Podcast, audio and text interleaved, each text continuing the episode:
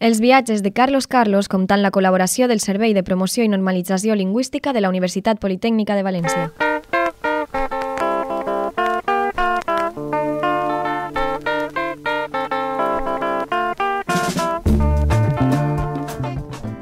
Benvinguts i benvingudes als viatges de Carlos Carlos.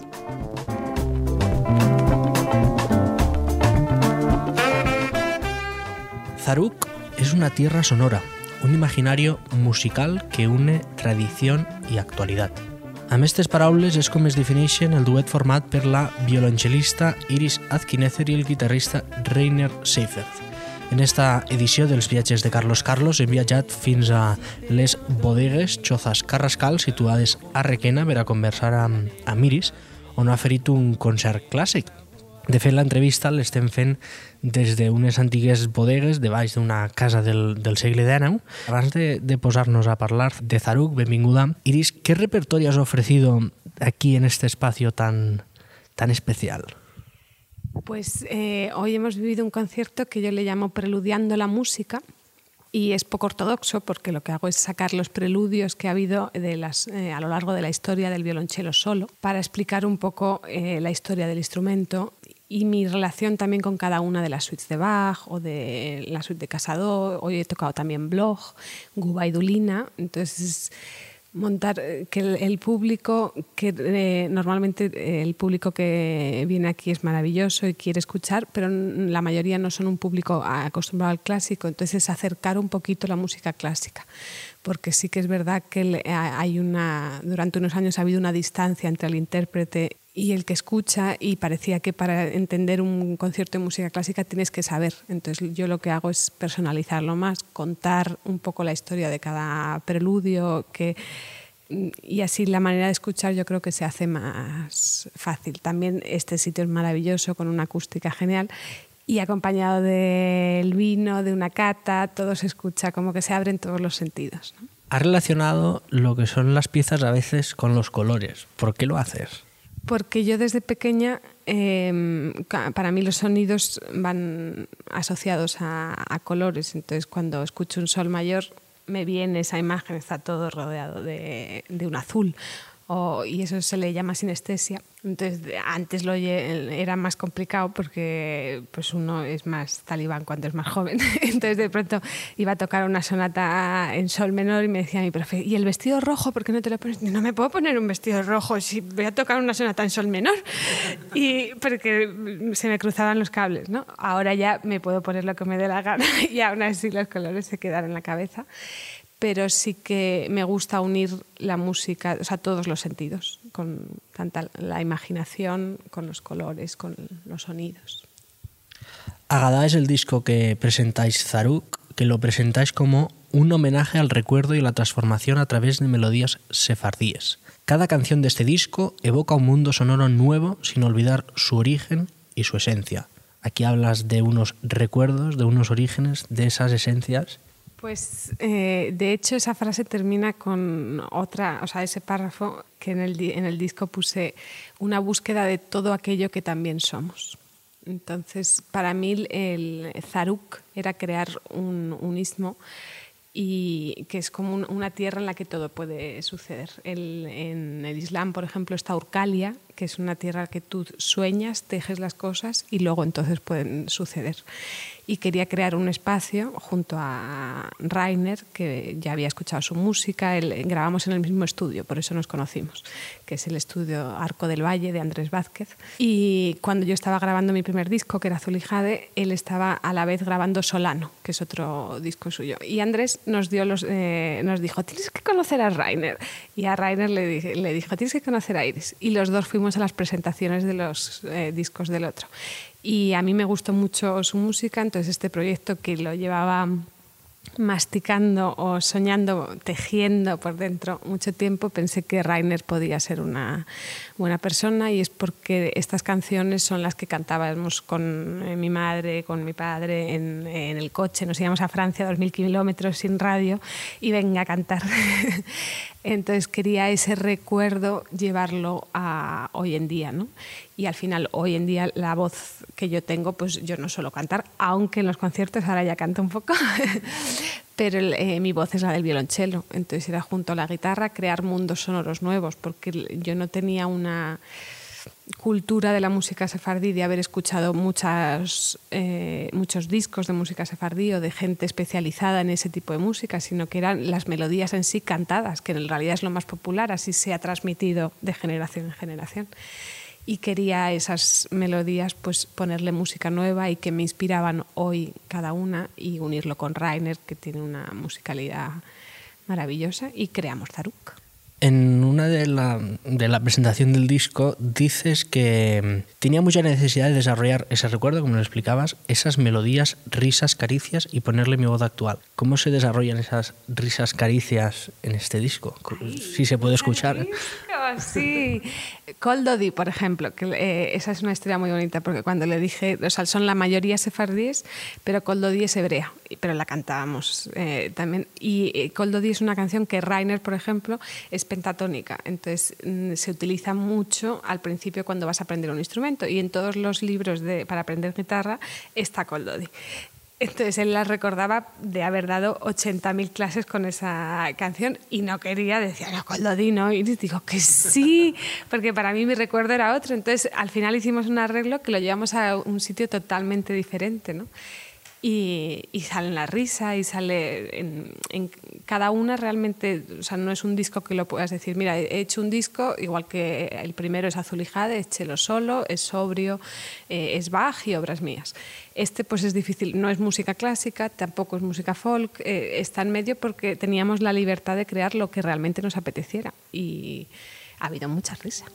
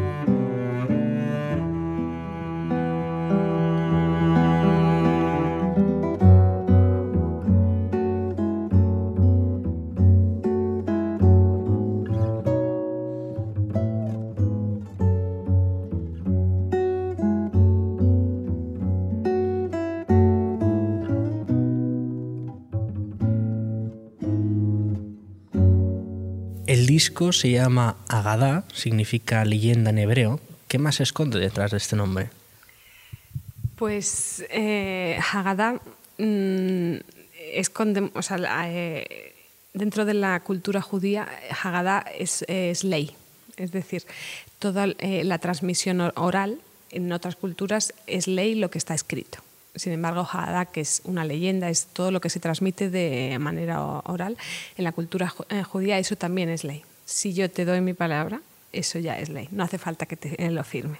Eh, y para mí eso era como recordar que es ley todo lo que todos mis recuerdos, aunque luego de pronto pasaba nos hemos reído mucho con Rainer, porque como niña también hay ciertas letras, por ejemplo, que las recuerdas de una manera. Entonces, una vez viendo, eh, estábamos viendo con la de Adiós querida o Adiós querido, que en el vídeo, por ejemplo, que está en YouTube, pusimos Adiós querido y al final el disco pusimos Adiós querida, porque hay más versiones, se conoce más así, ¿no? Y estábamos viendo las letras y digo, no, no, aquí falta una estrofa, porque había una que decía de babushka, no sé qué, tal. Y entonces empieza a reír y dice, no va a ser, va a buscarte un pues para mí de pequeña eso era babushka. y el recordar que eso es ley, o sea, el recuerdo que uno tiene y todo lo vivido es lo que te forma como persona y es para mí ese, es el homenaje, o sea, esos viajes con mi madre, esas noches cantando, eh, todo eso es ley. Y también, eh, bueno, hablo un montón, ¿eh? pero Haggadah es una obra que mi madre, mi madre era compositora de música contemporánea, se llama María Escribano, y mm, eh, dentro de una suite que son siete obras para piano que se llama Sortilegio, una de ellas se llama Haggadah y se la dedicó a mi padre, que es judío, pero mi apellido es Ashkenazim. Nosotros no somos sefardíes, sino de descendencia rusa y polaca. Y, mm, en, esa obra contemporánea introducía una melodía sefardí que es Alanana y la buba. Entonces el disco al final toma ese nombre y la canción que hay en el disco que se llama Haggadah une esa canción sefardí que es a la nana y a la uva con un motivo de la obra contemporánea de mi madre. Y era uniendo. Al final para mí es un disco que, que une, me une a mí con Rainer, me une a mí con un público, me une con mi recuerdo y es crear puentes eh, libres porque muchas veces como tengo que hacer algo dentro de este cauce, porque pues no, yo creé Zaruk con Rainer para poder soñar y, y, tocar juntos y jugar. A la nana y a la buba es la única de todo el disco que está cantada. ¿Qué nos puedes contar de este? Ya os lo has avanzado un poquito, pero ¿qué más? ¿Qué más encontramos? Pues eh, en el disco hay cuatro colaboraciones y una de ellas es cantada por María Verasarte, que tiene una voz para mí preciosa. El otro día estuvimos en un concierto suyo en Madrid y ella tuvo una crítica muy bonita que era sobre la voz desnuda. ¿no? Y para mí, los que venimos del clásico también, que estamos tan acostumbrados a esa voz tan trabajada, la de María es preciosa, sencilla y para mí desde el principio mm, realmente me la hizo conocer eh, Rainer, a María, porque yo no la conocía, pero me pareció una voz que pegaba muy bien para el disco. Así que ella canta a la nana y a la buba, que es la única canción que de algún modo se repite en el disco porque está al final de Haggadah y queríamos darle como un espacio todavía más grande y la cantó María.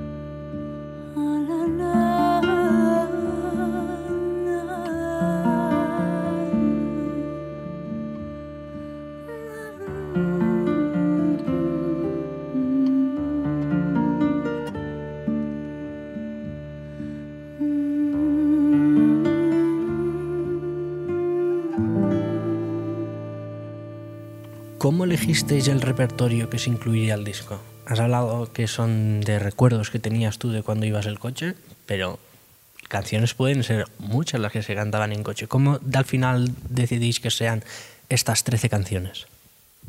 Pues, o sea, el, eh, el leitmotiv eran que fueran las eh, canciones sefardíes. Entonces hay solo dos intrusas, por decirlo, que es Ay de Llano, que es una canción serbia, que yo conocí en Alemania cuando tocaba en un ensemble allí de música balcánica, se llama Ensemble Vinoroso, y fue una melodía que yo la primera vez que les escuché y se me abrió el corazón, me envolvía, era como, y yo le dije a Rainer, digo, esta tiene que estar, de, me da igual cómo, sé que es un disco de música sefardí, pero esta entra, porque estoy segura que en algún momento se han encontrado y las han cantado juntas, uno ha cantado a de llano y otro ha cantado a la nana y a la búa o las tres hermanicas. Y el resto, pues eh, la mayoría fueron las que yo había cantado de pequeña que propuse y luego Rainer, sin embargo, su acercamiento era diferente. O sea, la música sefardí, que ya la ha tocado con Alcaide, por ejemplo, mm, es más una cuestión estética, o sea, que le parece muy bonita. Entonces, él sí que ha escuchado muchas versiones de todo y, y se había documentado mucho. Entonces, hubo otras, por ejemplo, desde hoy, la mi, desde hoy la mi madre, yo no la conocía esa y me la propuso e hicimos un, una especie de tríptico, que eso es bonito en la música sefardí porque como ha ido cambiando según los asentamientos, te encuentras la misma canción de, de Marruecos, entonces es en un 11, no, sé si era un 11 por 8, un 7 por 8, eh, un 7 por 8 y en menor. Y esa misma letra en un 4 por 4 y mayor, en Castilla. Y es esa canción, pero ha ido cambiando según ha ido, son muchos siglos, ¿no? También otra cosa a decir es que parece que todas las canciones sefardíes fueran de hace seis siglos. No es así. Adio querido, por ejemplo, es del siglo pasado, o sea que la cultura sefardí sigue viva y sigue viva en Grecia, en Turquía. En Turquía de pronto vas y te encuentras gente que ha pasado las llaves de su casa de generación en generación, ¿no? Y, y esa fue un poco la, la manera de elegir las canciones. Ya tenéis las canciones, ahora cómo las componéis. Pues eso fue muy bonito, eso lo cuenta Rainer muy bonito, porque eh, él dice que era como volver a, a, la adolescencia cuando quedaba con sus amigos que tenían un grupo para componer.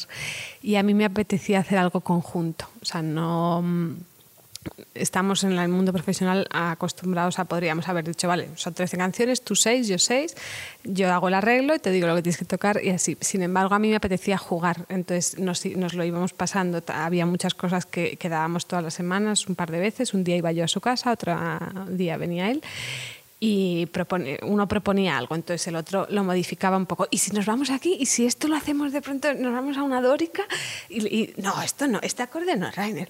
Y, y, decía, no, Iris, aquí tal. Y, y, fue jugando, o sea, eso fue lo más bonito porque es un, un disco que para mí tiene mucha frescura porque realmente nos lo pasamos muy bien haciéndolo. Dices que no quieres escuchar versiones. Yo ahora, así pensando un poco y escuchando el disco, Eh, recuerdo que creo que hay una de estas que la tocan Analcaide, la versión de Ad no la he escuchado yo con, con Croque y creo que con otro grupo también eslovaco. Quiero decir, eh, ¿por qué no querías escuchar versiones?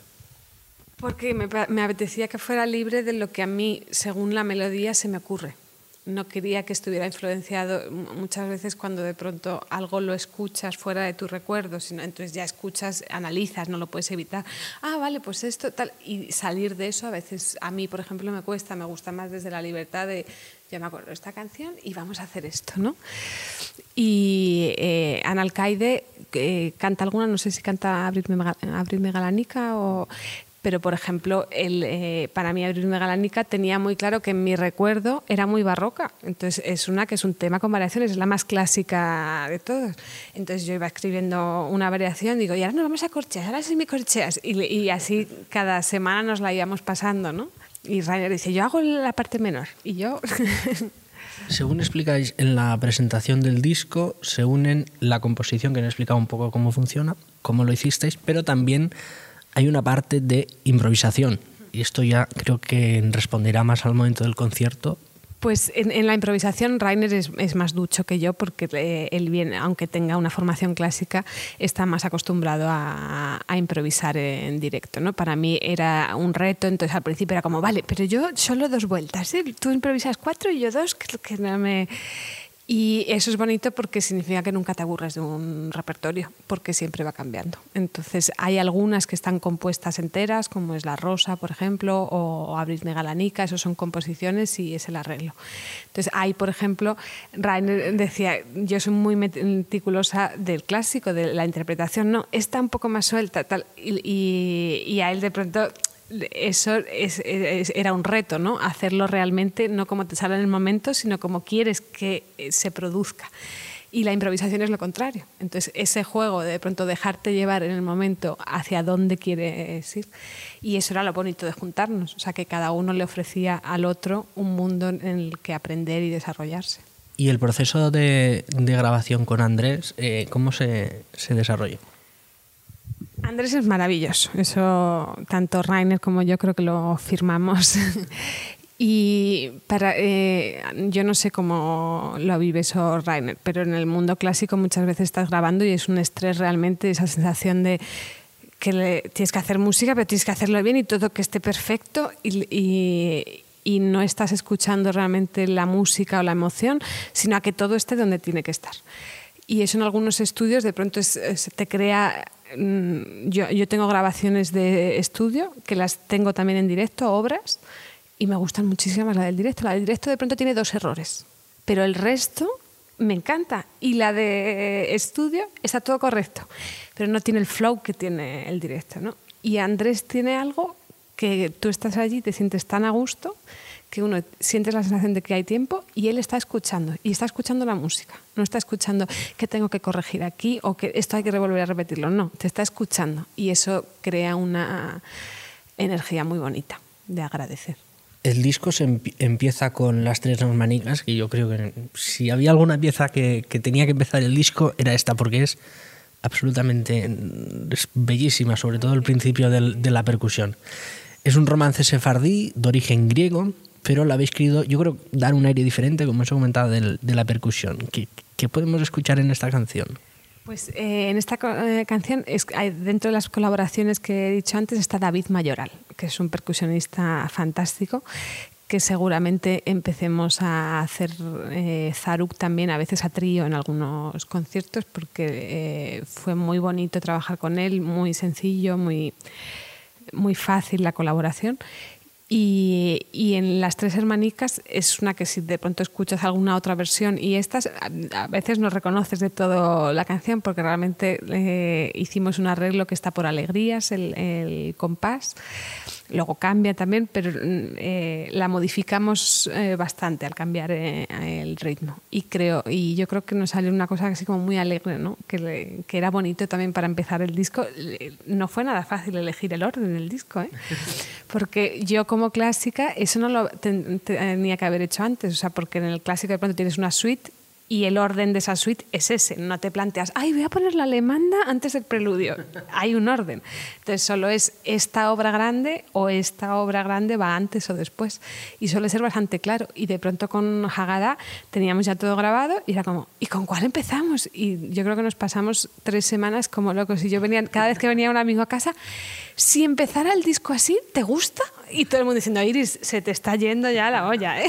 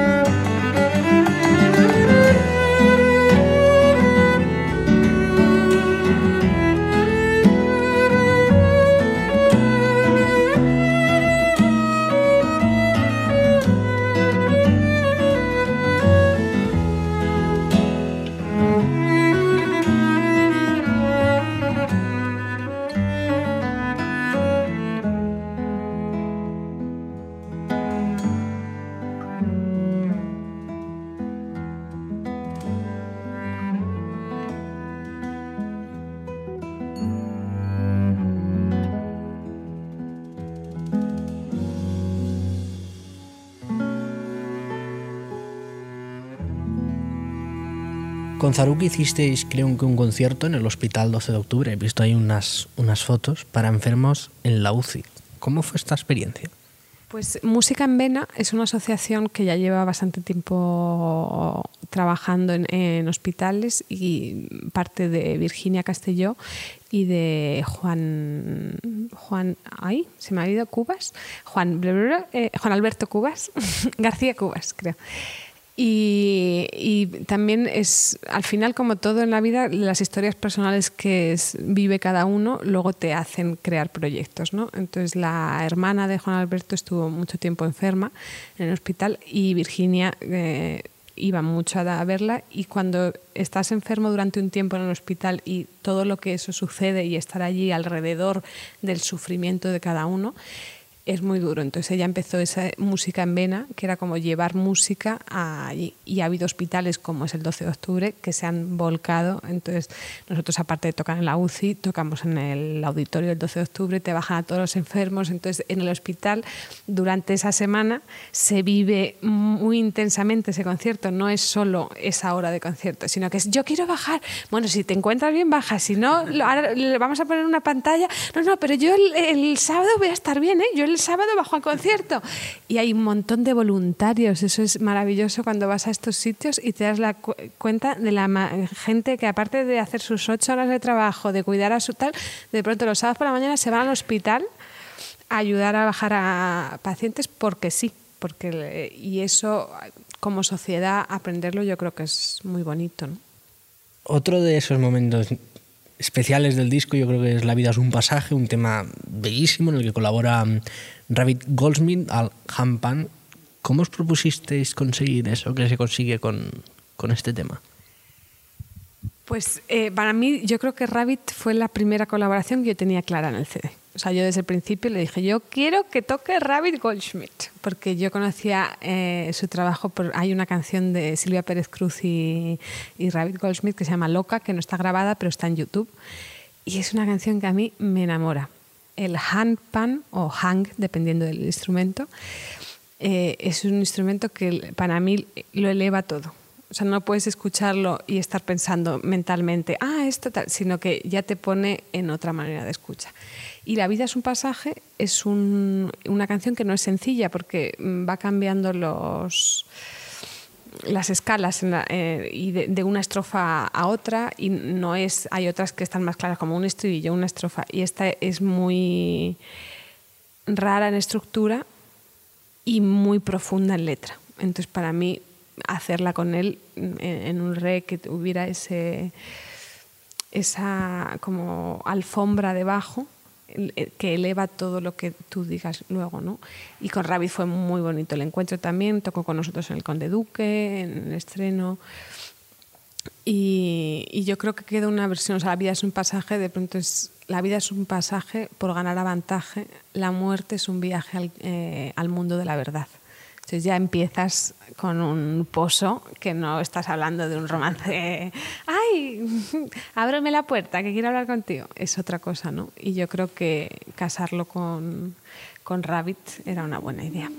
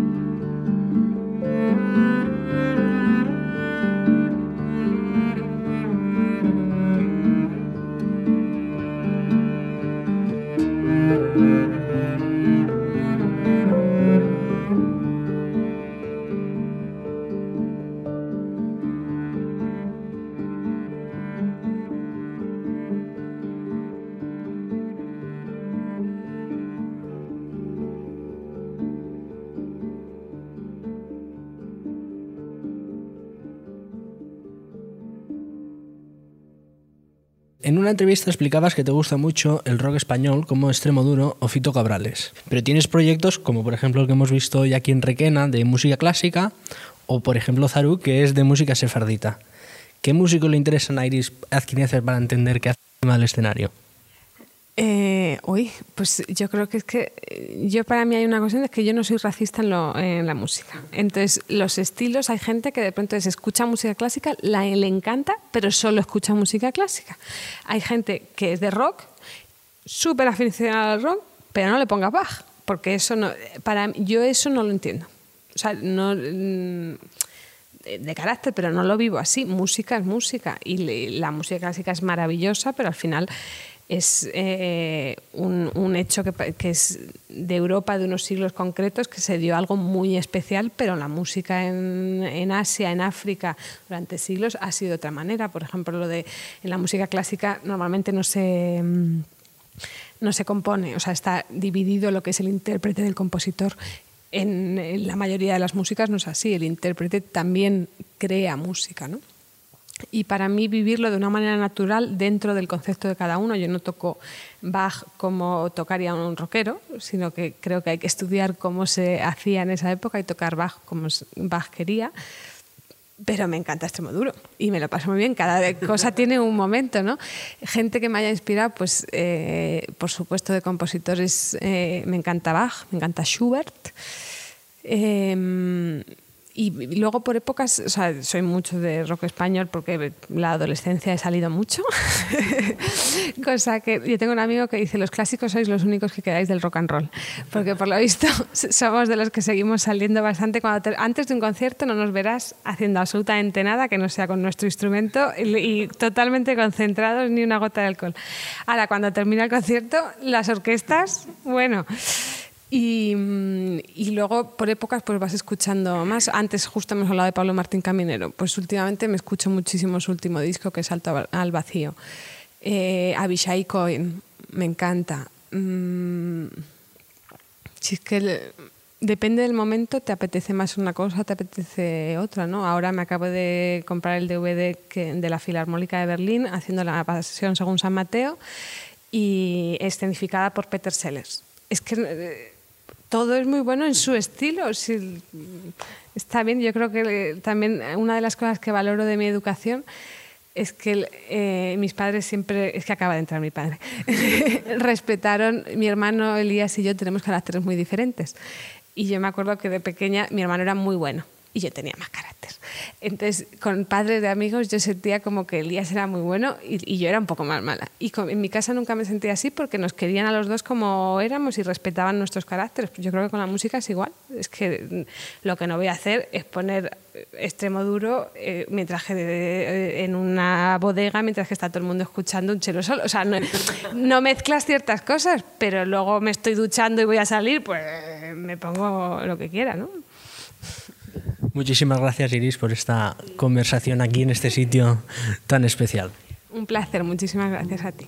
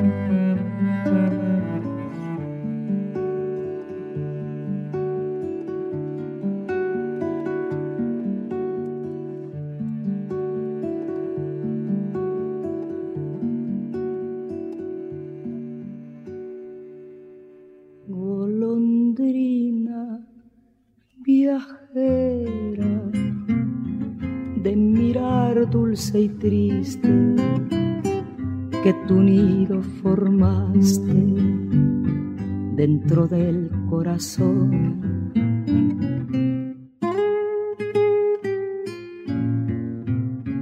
Descobreix nous camins amb els viatges de Carlos Carlos.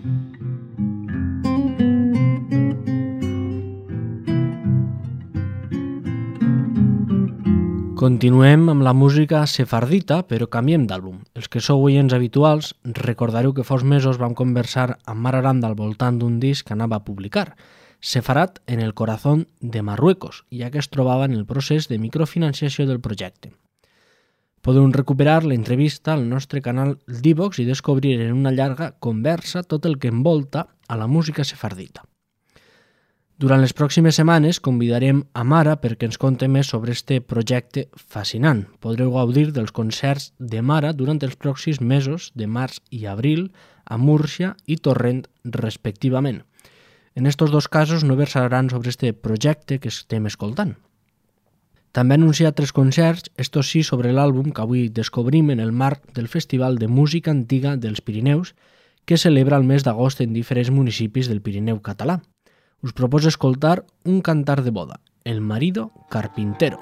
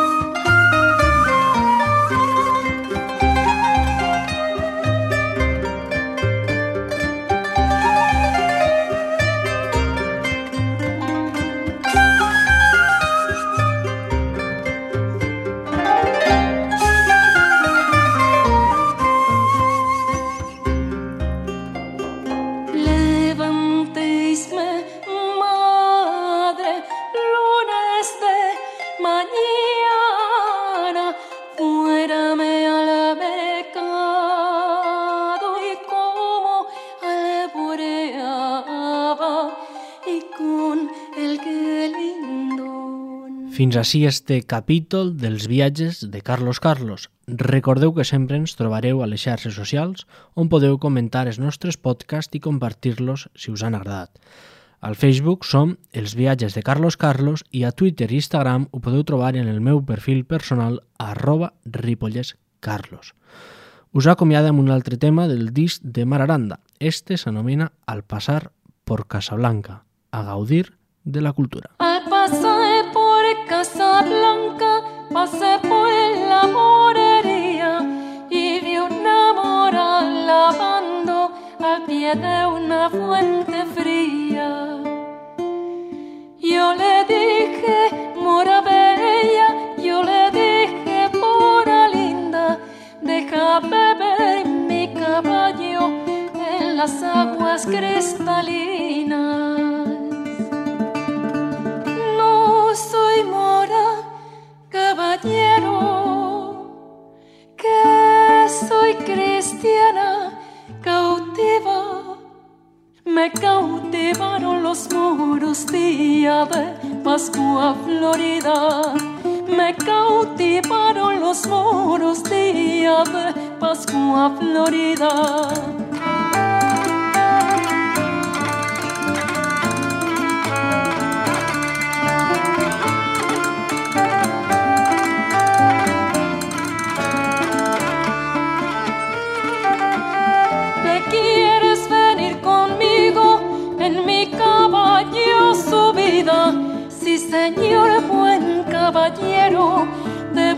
Buena gana me iría.